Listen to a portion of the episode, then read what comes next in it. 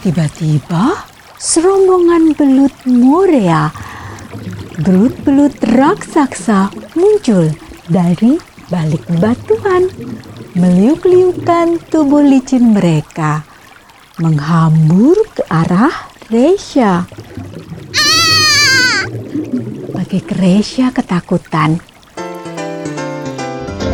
Dongeng pilihan orang tua.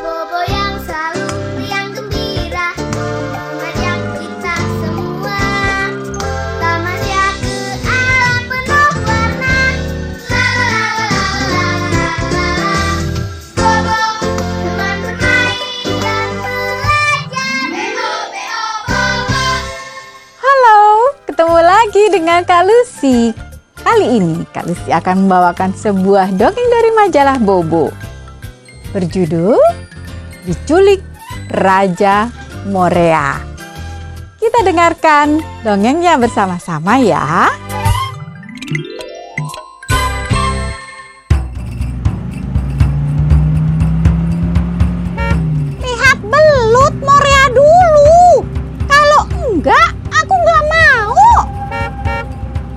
Gresha.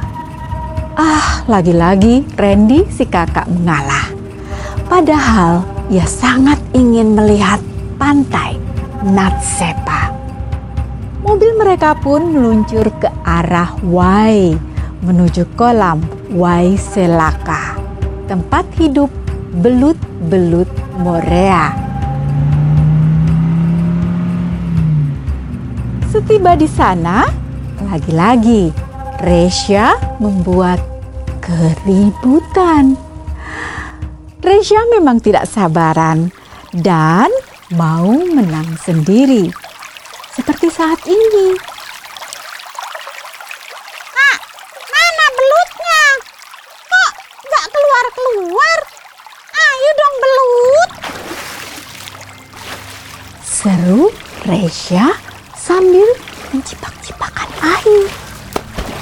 Tiba-tiba serombongan belut Morea, belut-belut raksasa muncul dari balik batuan, meliuk-liukan tubuh licin mereka, menghambur ke arah Resya. Bagi Resya ketakutan,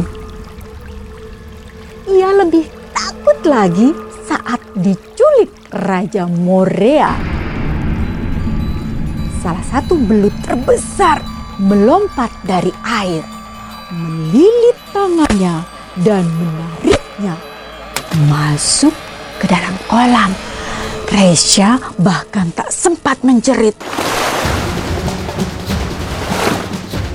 Di dalam air, belut raksasa yang tadi menariknya berubah menjadi seorang raja yang tampan. Bebatuan di dalam kolam menjadi istana-istana indah. Namun, air di dalam kolam itu tetap dingin, menusuk kulit. Ke- kenapa kau tarik aku ke sini? Siapa kamu?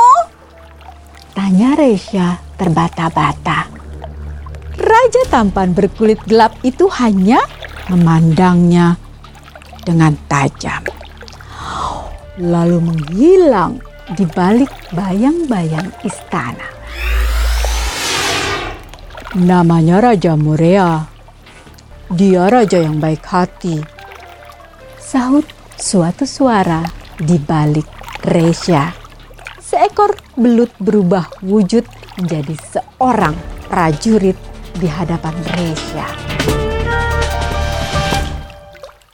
Kami semua berada di sini demi menyelamatkan Putri Bia.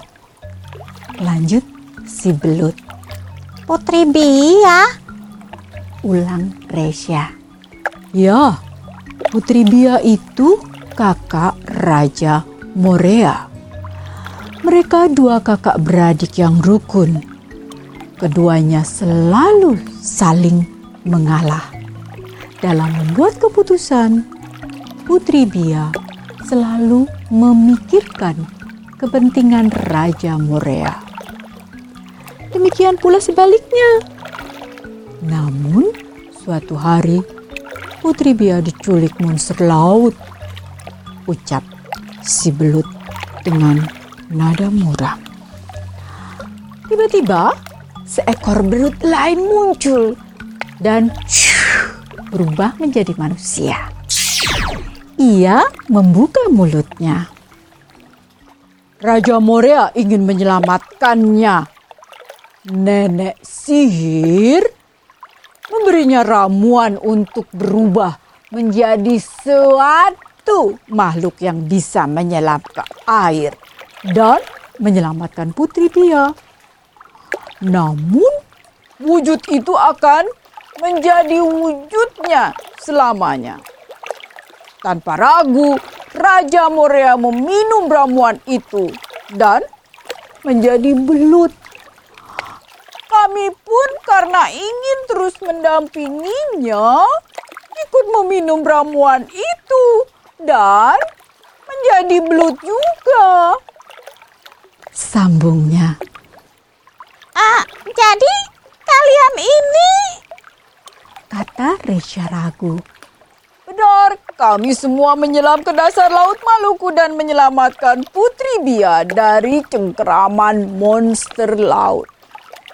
Saat akhirnya berhasil, kami hanya bisa mengantarkan Putri Bia yang tak sadarkan diri ke pasir putih pantai Nastepa. Lalu kembali ke laut. Sahut si belut yang pertama. Hmm, namun Putri Bia sangat menyayangi Raja Morea. Saat tersadar, ia segera mencari Raja Morea. Ia tahu dari nenek penyihir bahwa Raja Morea setiap hari melawan monster-monster laut itu. Putri Bia memohon agar Raja Morea dan prajurit-prajuritnya dikembalikan menjadi manusia. Nenek penyihir hanya bisa memberi Putri Bia ramuan agar mereka bisa dikeluarkan dari lautan dan tinggal di kolam. Wujud mereka tetap berbentuk belut. Lanjut, prajurit belut kedua. ah jadi kak, kak kalian semua dipindahkan Putri Bia ke kolam ini ya? Tanya Resya. Betul. Putri Bia merawat kami dengan baik sampai akhir hayatnya beratus tahun lalu. Ucap Raja Morea yang tiba-tiba muncul di belakang Resya. Kamu tidak perlu mengubah dirimu menjadi belut demi saudaramu. Kenapa kamu tak mau mengalah sedikit untuk saudaramu? Tanya Raja Morea melangkah mendekati Resya. Prajurit-prajurit belut lainnya juga mendekat mengepung Resya. Udara di dalam kolam itu tiba-tiba menjadi jauh lebih dingin. Kalau kamu tidak mau mengalah, bergabunglah dengan kami di sini. Biar kami ajari caranya mengalah. Ucap salah satu prajurit belut itu memegangi tangan Resya. Kulitnya terasa dingin dan berlendir di kulit Resya. Resa menjerit ketakutan dan wup, terbangun. Ia masih terbaring aman di atas tempat tidur hotelnya di Ambon. Selimutnya terlempar ke lantai. Pantas dingin sekali di sampingnya. Randy juga baru terbangun. Ibu mengetuk pintu kamar mereka dan masuk. Res, Ran, hari ini kalian mau berwisata ke mana? Eh, pantai Natsepa. Jawab Randi. Ah, pintu kota Latulahat. Seru Resya bersamaan dengan jawaban Randi. Mereka berdua terdiam dan saling menatap. Resya tersenyum. Ke pantai Natsepa dulu saja, Ma. Kemarin kan kita sudah pergi ke desa Suli seperti yang aku mau. Sekarang giliran Randi memilih. Sahut Resya sambil merapatkan selimutnya. Jangan sampai mimpinya diculik Raja Morea. Jadi kenyataan.